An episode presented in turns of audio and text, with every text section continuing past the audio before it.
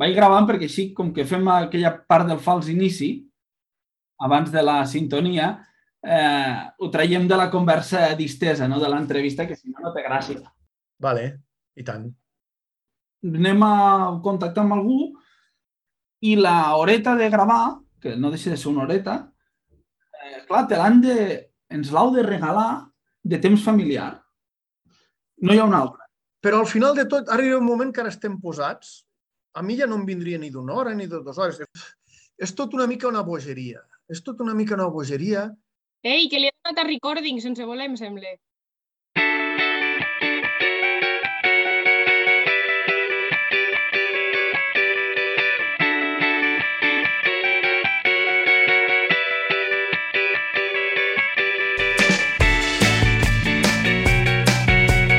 Molt bones a totes i tots i benvinguts a Enginyers el Podcast, l'espai sonor on despullem la professió d'enginyer i naveguem per tots els racons que ofereix aquesta professió. Salutacions de qui us parla, Miquel La Torre, i com sempre m'acompanya Ariadna Carrobé. Bones, Ariadna. Hola, Miquel. Benvinguts oients d'arreu. Avui ens acompanya Albert Massi, enginyer industrial per la Universitat Politècnica de Catalunya i col·legiat a la demarcació de Lleida de l'EIC. Bueno, avui tornem a la figura d'un enginyer que gestiona la seva pròpia firma, eh, l'Albert des de fa més de 15 anys fem projectes de naus, de tot, de naus industrials, de construcció i d'obra civil, fa càlcul d'estructures, fa projectes d'instal·lacions i un llarg, etc. Té una web molt xula que si la busqueu eh, té exemples de tot el que ha fet i avui eh, ens explicarà una miqueteta el que fa ell i a què es dedica. Benvingut, Albert. Moltes gràcies. Bona tarda, Ariadna i Miquel encantat de conèixer-vos i de poder estar aquí amb vosaltres i agrair-vos el vostre oferiment. Benvingut a Enginyers del Podcast. Comencem, eh? És un honor que ens acompanyis en aquest cafè d'avui, ¿vale? i si ja has escoltat capítols anteriors, hem agafat com a costum començar la conversa amb els nostres convidats amb una secció que hem, que hem anomenat Enginyers el Test. La nostra bateria de preguntes per conèixer una mica millor qui és l'Albert. Estàs preparat? Vinga, endavant.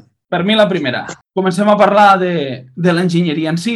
Com sempre, eh, l'enginyeria per tu ha estat sempre la teva vocació o és una cosa que et va venir a posteriori, que et vas trobar al llarg del camí? Mm, no és que me la trobés al llarg del camí.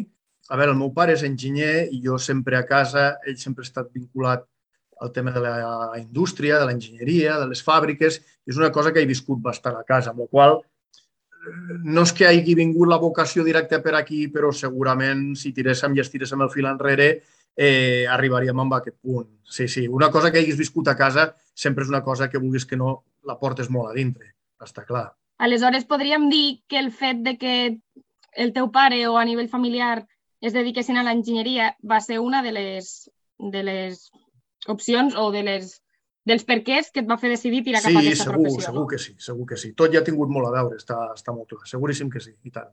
I, i què és el que més t'agrada de, de ser enginyer? bueno, principalment suposo, no és que hi hagi cap cosa que sigui el que més m'agradi de tot, sinó en general el concepte global de l'enginyer no? o de l'enginyeria. En el meu cas, de que toquis moltes coses, molt variades, que no entres mai en una monotonia, sinó que sempre estàs fent coses diferents la incapacitat aquesta, la impossibilitat aquesta d'avorrir-te. A més a més, que és el dia a dia, són coses tangibles, veus el que fas i, en fi, i transformes en realitat el que tens a dintre el cap, que després passes al paper i després pues, acabes veient amb els teus propis ulls i tocant amb les teves pròpies mans, tant tu com tots els altres. Que, Miquel, creus que tenim un denominador comú entre tots els entrevistats? Eh, sí, el tornem a tenir. El tornem a tenir i és aquest concepte de tangible, de feina tangible, no diria que ha sortit de totes les entrevistes, però gairebé tot és segur. És, és el denominador comú sense cap mena de dubte, perquè al final, eh, quan tenim, quan fem una feina, a tots ens agrada veure-la. I crec que abans o després tots passem per una vessant de l'enginyeria on les coses són més tangibles perquè dona aquesta sensació de sentir-te realitzat amb la feina que fas. A veure si va per aquí la resposta a la següent pregunta, eh, que ja saps la de sempre. Quin recordes com a millor moment de l'Albert com a enginyer? De la mateixa manera que també he dit què és el que més m'agrada i tampoc hi ha un concepte concret, tampoc puc acabar de recordar de dir aquest és el millor moment. Sí que és veritat, sí que és veritat de que i això ja torno als inicis i als orígens de tot, que és el moment que jo vaig fer l'exposició del projecte final de carrera i el tribunal doncs, ja va dir que endavant i tal, aquell moment que surts d'allà, respires i dius, ostres, ja està, eh? ja està. Aquest esforç, aquests anys, eh, en fi, aquestes vivències, aquestes experiències, aquests patiments, aquests, aquestes llargues esperes de veure notes, perquè ara també és veritat que, que, que la cosa ha canviat molt, però al nostre temps no hi havia internet, no hi havia correu electrònic, en fi, havies d'anar a veure unes notes i havies d'agafar l'autobús i anar a Barcelona i al plafó i al plafó de notes i pujar a la, la desena planta i veure el què. El moment que surts i dius, ostres, tota aquesta etapa ja s'ha acabat, ja ho tinc, ja tenim el títol a la butxaca, sí que realment ho recordo com el fet de dir, uf, realment la motxilla aquesta me l'he tret i a partir d'aquí comencem a volar. A banda d'això, la vessant professional, doncs, doncs, tampoc hi ha cap tema en concret, sinó en general, doncs, bueno, en fi, en fi, és una concepció global de tot, ni per lo bo ni per lo dolent. Eh? Bueno, bueno ara no... hem de dir, perdona, Ariana, hem de dir que sí? a, aquest treure's la, el pes de sobre, treure's aquesta motxilla, jo crec que també és una cosa, o almenys a mi em passa, que en surt després de cada projecte, de, després de cada gran projecte, no, no, no d'alguna feineta petita, sinó d'alguna cosa que, que s'ha prolongat en el temps una, amb una durada considerable, quan l'acabes el uf, doncs ja està. Defini. Sí, sí ja... el que passa és que, és que a diferència de l'exemple que posava, no tens ni temps de dir se finit. Dius uf i dius vinga, va, a per un altre, perquè, perquè el tren seguís passant. Seguissin passant els vagons i escolta, i t'has de reenganxar de nou. Però bueno, sí, l'exemple l'exemple és bo i és vàlid i dius, bueno, uf, ja me l'he tret de sobre, doncs pues vinga, va, eh, a per una altra cosa, està clar. Des de l'ou que sí. Bé, una altra cosa que també ens agrada preguntar és que per ficar una mica com en contraposició de quin és el moment o, o el millor moment viscut com a enginyer, en quin seria el pitjor moment o un dels moments més difícils, ja sigui pues, com a estudiant d'enginyeria o com a o com a, o com a enginyer ja amb el títol a la butxaca? bueno, com, com, a, com, a, com a estudiant i com a enginyer, de fet, són dos mons que van íntimament lligats, però la veritat és que no, no es poden arribar a comparar. Com a enginyer la carrera professional, doncs, tampoc recordo cap moment extremadament difícil o complicat. Si bé és cert doncs, que els començaments doncs, no són mai fàcils, però sí que és veritat que el procés d'aprenentatge inicial amb el qual amb el qual te'n dones compte de que quan surts d'una carrera doncs saps el que saps, tens els conceptes teòrics, però falta desenvolupar moltíssimes coses, falta desenvolupar doncs, doncs, el, el, la pràctica dels coneixements, posar aquests coneixements a la realitat pura i dura, que és la que toquem, el tracte personal amb les persones. Clar, arribes i trobes en un món en què, en què no només has de donar solucions, sinó que les has d'explicar, aquestes mm, solucions s'han de raonar, s'han d'encaixar i, i s'han de validar pues, per totes les persones que puguis tindre al voltant. Però, bueno, anant a lo que anàvem, tampoc un moment extremadament difícil tampoc n'hi ha hagut. I com a la part d'estudiant, doncs, bueno, els començaments, els inicis, les adaptacions, de sortir de casa, anar a, un nou, una ciutat molt més gran com és Barcelona, a un lloc on no coneixes ningú. En el meu cas, doncs, jo vaig passar dos anys en una residència, en un col·legi major, que tampoc coneixes a ningú. L'adaptació doncs, mai és fàcil. De totes maneres, sí que és cert que amb la perspectiva dels anys tires enrere, dius, bueno, doncs dintre de la balança pesen més les coses bones que no pas les coses dolentes. I al final suposo que l'ésser humà és d'aquesta manera que acostumes a quedar-te més amb lo bo i probablement obviar o tindre la memòria selectiva aquesta dels moments dolents, doncs no pensar-hi tant. Almenys és amb el meu cas. Eh? Això és trampa perquè llavors tergiversaràs la resposta a la pròxima pregunta.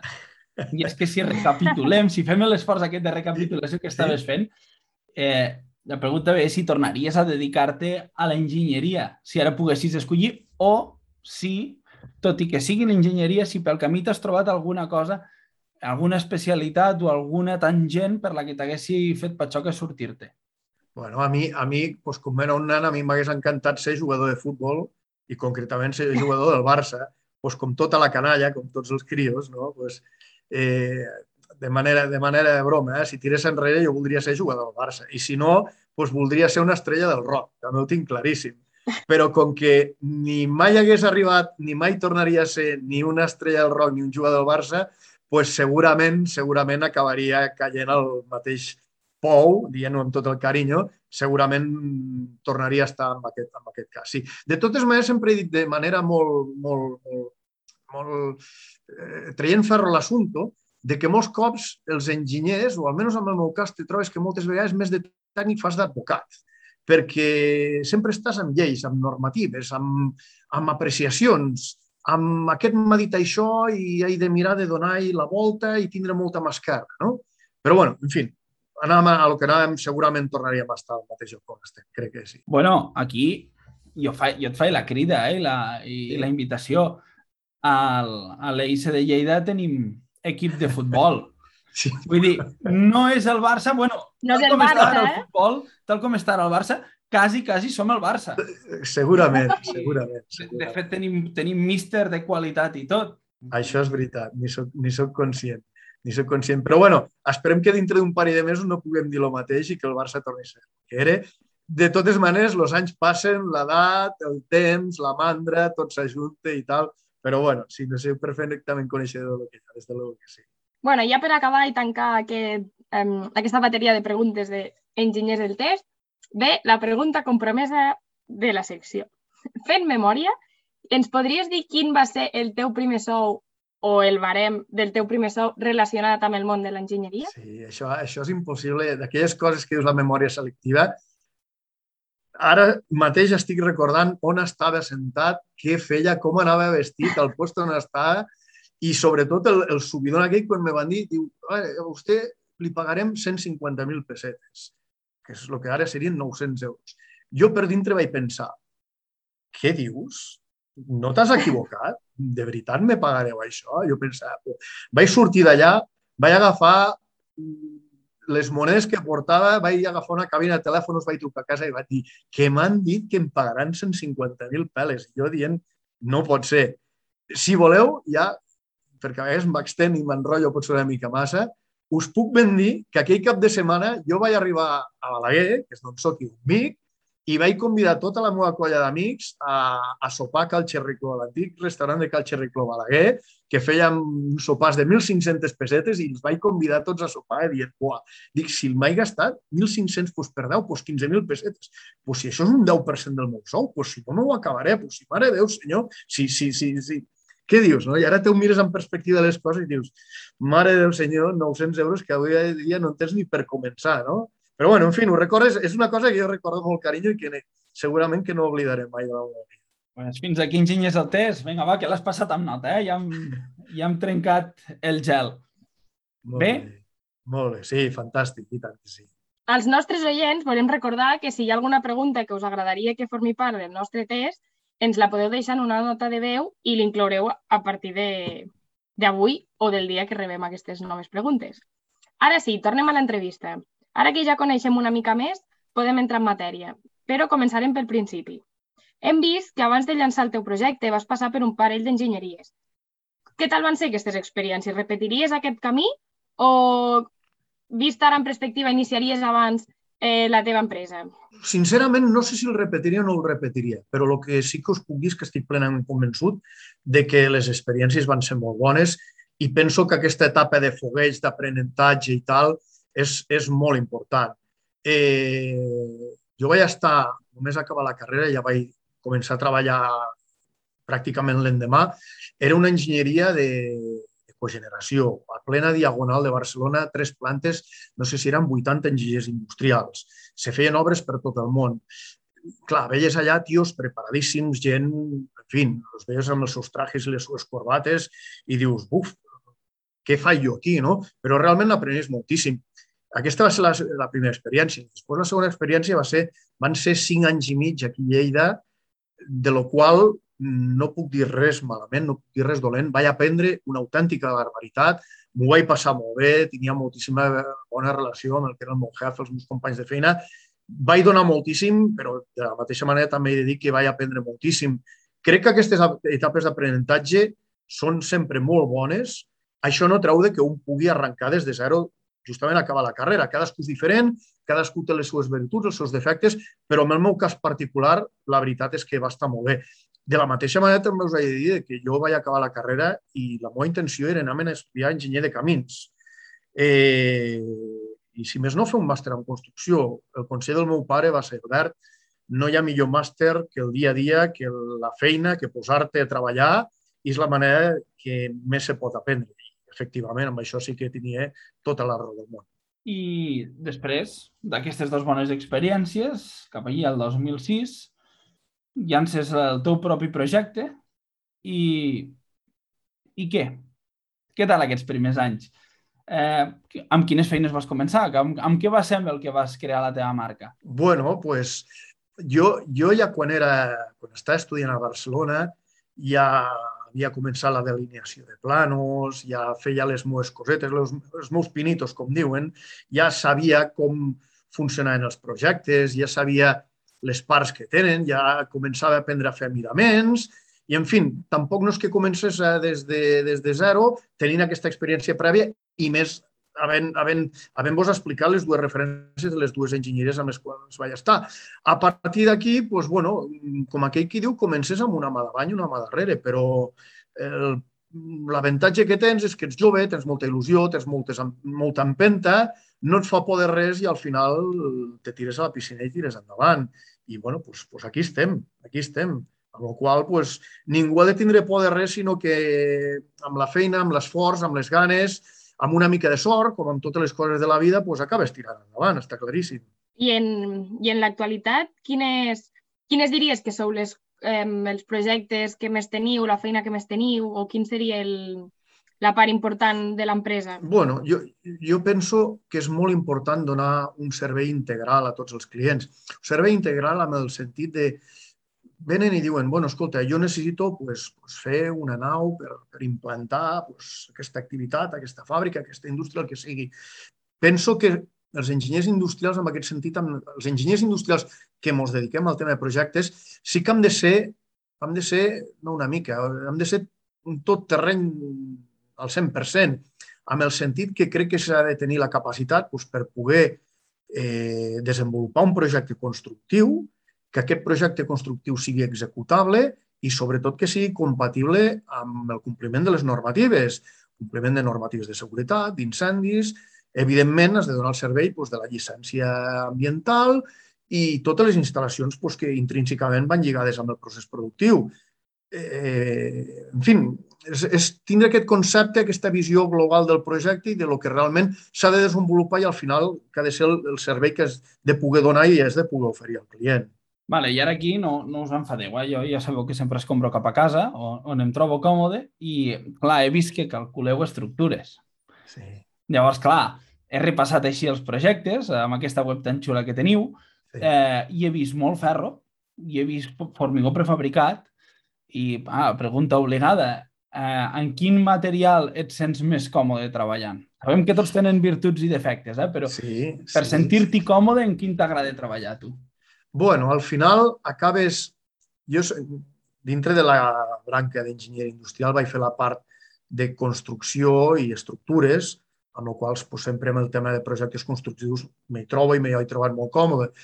Mm, jo he fet indiferentment, sigui ferro o sigui formigó, hi ha estructures prefabricades de formigó, i al final, com bé dius, Miquel, tot té les seues avantatges, els seus avantatges i els seus inconvenients. Un al final s'acaba senyint a les necessitats que pugui tenir el client, però sí que és cert que moltes vegades un, un alt percentatge de clients ja venen amb, amb una idea preconcebuda del que o bé els hi agrada més, o bé creuen que és millor per ells, o bé el que han vist més por ahí, no? Mm, al final m'és absolutament indiferent, vaiguis al ferro, vaiguis al formigó. Són estructures polivalents, són estructures que se poden adaptar millor o pitjor als requeriments que es poden tindre, però bueno, tot se fa i tot tira endavant. Hi ha d'haver mercat i hi ha mercat per tots i per tothom. I un com a tècnic, pues, evidentment que sempre és donar el, el teu parer, el teu, la teva recomanació, el teu consell, però al final també has d'escoltar la veu del client, que és el que vol desenvolupar l'activitat o fer la nau de, o la indústria, el que vulgui fer, i arribar sempre a un consens amb tots. En definitiva, tan bona és una opció com l'altra, malgrat el que hem comentat, doncs, que tots tenen els seus pros i els seus contres, està claríssim. Vale, I per calcular-ho, mm, evidentment, t'has d'ajudar de software. Tens alguna, alguna predilecció? No, predilecció no. Predilecció no, però sí que t'he de dir, sí que t'he de dir de que guardo, guardo la última carta al càlcul aquell a la vieja usanza de lo que t'explicava en la carrera i tal, l'últim càlcul, l'última comprovació sempre és la calculadora, el paper, el boli i el foli davant. I clac, clac, clac, clac, pam, pam, pam, pam, pam, i dius, acabar de tenir l'última comprovació, pues perquè sempre els programes aquests de càlcul pues, estan molt bé, ajuden molt bé, però, en fi, el paper no enganya mai, la calculadora tampoc, i el teu cap encara menys. I sí que és cert que moltes vegades els programes estan molt bé, però s'han de saber aplicar. I, evidentment, si no saps aplicar-los, doncs, doncs, doncs no seríem aptes per utilitzar-los. Però ja et dic, m'agrada molt aquest concepte final, de remat final, del paper, el boli i la calculadora, i lògicament també està clar que els anys, l'experiència dels anys t'acaba dient que abans de calcular alguna cosa tu ja saps per on van els tiros. I t'equivocaràs de molt poquet, però el 90% ja saps per on, per on acabarà petant tot. Hem vist també que no només feu estructures i obres civils, sinó que també us dediqueu a fer instal·lacions i, i assessoraments tècnics. Què ens podries ficar algun exemple d'algun projecte que heu fet així recentment? bueno, és una miqueteta el que et comentava, Ariadna, de que has de ser, has de ser tot terreny. No? Eh, has de donar una visió global del projecte i no pots dir, jo és que la meva feina arriba fins aquí. No, la meva feina ha d'arribar fins al moment que aquella empresa s'ha de desenvolupar i comença a treballar. Per tant, evidentment que cada empresa és un món, cada activitat és un món, però has d'estar, doncs, has de tenir present que has de poder legalitzar la instal·lació elèctrica a baixa tensió, eh, en el cas de que hi hagi doncs, la possibilitat de mitja tensió, doncs, està amb això, que hi hagi aire comprimit, que hi hagi APQs i, evidentment, doncs, les instal·lacions que són el dia a dia i més a data d'avui i cada dia s'està imposant més, doncs és el tema del compliment de, de, dels incendis. Eh, en fi, has d'estar al peu del cànon tot això d'aquí i no és per posar un exemple en concret, sinó que a data d'avui, així com fa molts anys enrere, doncs dius, mira, doncs feia una nau industrial i ja està, o legalitzaves després l'activitat. A data d'avui és el concepte integral de tot, per tant, integres dintre de la construcció el desenvolupament i la legalització de l'activitat amb totes les instal·lacions que això comporta. I aquí una, una curiositat, perquè clar, fer aquesta, aquest assessorament integral fer de, fer de tot terreny consumeix moltes hores i, evidentment, fan falta molts coneixements. Um, evidentment, fas formació contínua, vull dir, això és obligatori per tothom. Amb què t'agrada formar-te i amb qui et formes? bueno, hem de ser una miqueta malabaristes, amb aquest sentit que comentes, Miquel, de que has de tindre molts coneixements i tal. Eh, un aprèn dia a dia. Ningú té la veritat absoluta i cada dia vas aprenent coses, parlant amb clients, parlant amb proveïdors, parlant amb industrials, parlant amb paletes, parlant amb constructors, parlant amb instal·ladors. Eh, formació contínua? bueno, doncs jo he fet, he fet, he fet pel, pels, temes, pels temes de... Jo he fet alguna cosa a través de la Universitat Politècnica de Catalunya, tant cursos online com presencials. Ara, a data d'avui, s'està imposant molt més tot això d'aquí, però sí que és veritat que anant una miqueteta als inicis del que comentava, eh, malgrat les formacions que hi hagi acadèmiques, eh, l'aprenentatge de ser continu i de dia a dia i, i, i, amb, i amb tot l'entorn de professionals que ens estem envoltant a data d'avui, en totes les obres, en totes les execucions, en totes les instal·lacions, etc etc. Efectivament, no es pot estar a l'última de tot i estar-ho un pel seu compte, vull dir, necessitem ajudar-nos dels especialistes de cada sector per conèixer cap a on avança, perquè el, la realitat amb, amb el món que vivim és canviant i és canviant amb una velocitat vertiginosa. Per tant, mm -hmm. eh, necessitem de l'ajuda dels que estan al peu del canot 24-7 amb un sol tema. Val. Última pregunta. Penúltima, penúltima. La més compl... Penúltima, ah, vinga, va. Sí. Bueno. Jo vull fer una pregunta també que me pique la curiositat. Em, sí. Ens podries explicar un projecte que t'hagués fet molta il·lusió, ja sigui per la complexitat, per, no sé, per la manera com, vau, com va ser plantejat tot el projecte i com va anar, i després un altre que recordis que, que, no, que tot i haver fet els càlculs bé, tot i haver-los repassats amb la calculadora i el boli i tenir-ho tot controlat amb proveïdors, instal·lacions i tot, que després diguessis, ostres, aquest va costar perquè, jo què sé, van sortir mail entre bancs... bueno, entre bancs a les obres sempre hi surten. Per això la definició del projecte de ser a major definició en projecte, menor intervenció per part de la direcció d'obra quan estàs desenvolupant l'obra. bueno, evidentment, les obres com més grans són, major complexitat requereixen.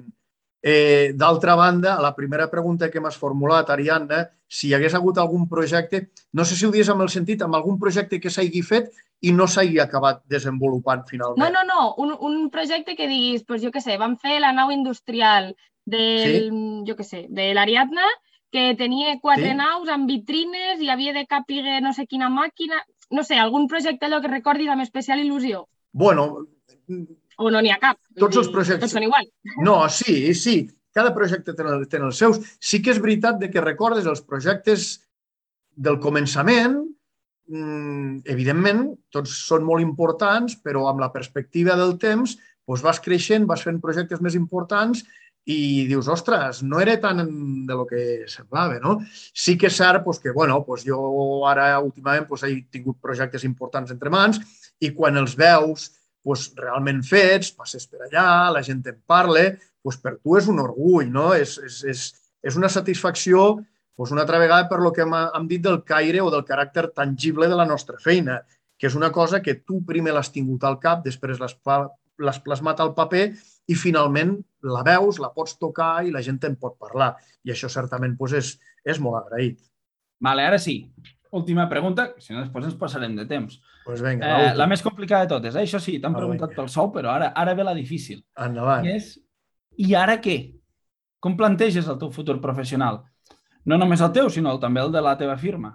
Bueno, pues, pues, certament és anar tirant endavant, anar seguint, penso jo que amb la màxima professionalitat, de la mateixa manera que han anat passant els anys i mires en perspectiva i dius, bueno, estic aquí i va haver un dia fa 15, 16 anys, els anys que sigui, vaig començar, no? I tires enrere i dius, bueno, vaig decidir estudiar aquesta carrera a Barcelona, vaig acabar, em vaig ficar la meva carrera professional. Bueno, doncs tot ho has anat fent. Doncs ara seguim estant en un punt que, evidentment, mai pots acabar de decidir per tu mateix, doncs perquè, carai, eh, ara venim d'una pandèmia, havíem estat comentant, va passar la crisi del totxo el 2008. Tu pots tenir una planificació i d'un dia per un altre aquesta planificació anar a risc. Per tant, jo el que penso, i és un pensament molt particular meu, és que el que has de procurar és seguir vetllant, seguir cuidant els clients i, com sempre he dit el meu pare, és no deixar mai caure a terra una feina. Totes les feines són bones, siguin grans, o siguin petites. Tots els clients són bons, siguin grans, siguin petits, siguin importants, siguin menys importants, siguin multinacionals o siguin empreses familiars de la cantona del carrer, perquè una feina te pot portar a una altra i una feina petita te pot portar una feina molt important. I penso jo també que la nostra feina funciona molt el boca a boca, de dir, ostres, doncs mira, doncs aquell noi me va fer això, ho va fer molt bé, i són seriosos i treballen bé, i, en fi, per tant, d'aquesta manera dius, bueno, sempre has d'anar procurar tirar un passet més enllà però com que l'entorn que ens envolta no el controlem nosaltres, intentar controlar el màxim possible la nostra feina, però sobretot procurant donant una feina amb la màxima professionalitat i amb el màxim rigor possible. A partir d'aquí, intentar fer les coses el màxim, lo màxim, lo màxim bé que es puguin arribar a fer. Bé, moltes gràcies, Albert, per, per aquesta entrevista. I, I ara et deixem el que hem anomenat el minut d'or, per a que ens colis una bona falca de Masic Enginyers Industrials perquè tots aquells que ens estiguin escoltant us puguin contactar o vulguin saber qualsevol cosa més. Endavant! Bueno, molt, moltes gràcies a vosaltres, Ariadna i Miquel. Sobretot això me sona una miqueteta com ara me ve el cap les eleccions tan polítiques com les del Barça. No? Vostè té el seu minut d'or i a partir d'aquí ha de defensar eh, si vostè serà president o no serà president. No, més que res per acabar el de donar minut, un missatge. El minut va passant, que... eh? Vull dir, ja, ja igual tens només 35 segons. Bueno, sí, al final han de votar entre els tres perquè sigui president. Jo, com a mínim, tinc d'assegurar el 33,3% que serà el meu vot. Eh? Bueno, que, en fi, que l'enginyeria és, és, és un món molt apassionant. Certament sí que és un món que canvia molt que s'ha d'estar al peu del canó, que hem de ser tot terrenys, com he dit, hem de ser uns malabaristes, però que hem de tractar la feina amb molt carinyo, amb molt rigor, amb molta professionalitat i sobretot senyir-nos a lo que ens diu els clients. A partir d'aquí, les coses mm, amb molta feina, afany i perseverança i una mica de sort, que també, com he dit abans, tiren endavant. Eh, si estem on estem, pues, suposo que és perquè s'ha fet la feina ben feta i com que el rigor i aquesta professionalitat, professionalitat que he dit ja 25 vegades seguirem mantenint i cuidant amb carinyo tots els nostres clients, doncs entenc que, que les coses seguiran tirant endavant i, i fent les coses ben fetes. No hi ha més secret que aquest, penso jo. Pues moltes gràcies, Albert, per acompanyar-nos avui. Ha estat un plaer enorme poder compartir amb tu aquesta estona i haver pogut aprendre de, de les teves experiències i de tu. Ara els nostres oients, per tots aquells que vulgueu, com sempre, al nostre web d'Anchor, les not a les notetes de l'episodi teniu el link, podeu deixar notes de veu. Podeu preguntar el que vulgueu als nostres convidats. Per tant, si us ha quedat algun dubte o hi ha alguna cosa que vulgueu preguntar a l'Albert, us poseu a la web d'Anchor, ens deixeu una nota de veu, això a l'estil WhatsApp, i nosaltres li fem arribar i busquem la manera de que surti per antena la pregunta i la resposta. Moltíssimes gràcies, Albert. Moltíssimes gràcies a vosaltres, Ariadna i Miquel. Ha sigut un, un plaer. Moltes gràcies. Res més a dir. Moltíssimes gràcies per, en nom d'enginyers, de tot l'equip d'Enginyers el podcast i de tots els nostres oients per acompanyar-nos avui. Si ets enginyer o enginyera i vols passar pels nostres micròfons, posa't en contacte amb nosaltres. I fins aquí el capítol d'avui. Moltes gràcies per acompanyar-nos una setmana més. Recordeu seguir el podcast a la vostra plataforma preferida i, com sempre, recomanar-lo als vostres amics coneguts i saludats. Si teniu algun suggeriment o queixa, ens la podeu fer arribar a lleida.eic.cat i estarem encantats de llegir-vos. Enginyers el podcast acaba avui aquí. Ens escoltem en el proper capítol amb una nova companyia i un altre punt de vista de la professió que de ben segur no ens deixarà indiferents.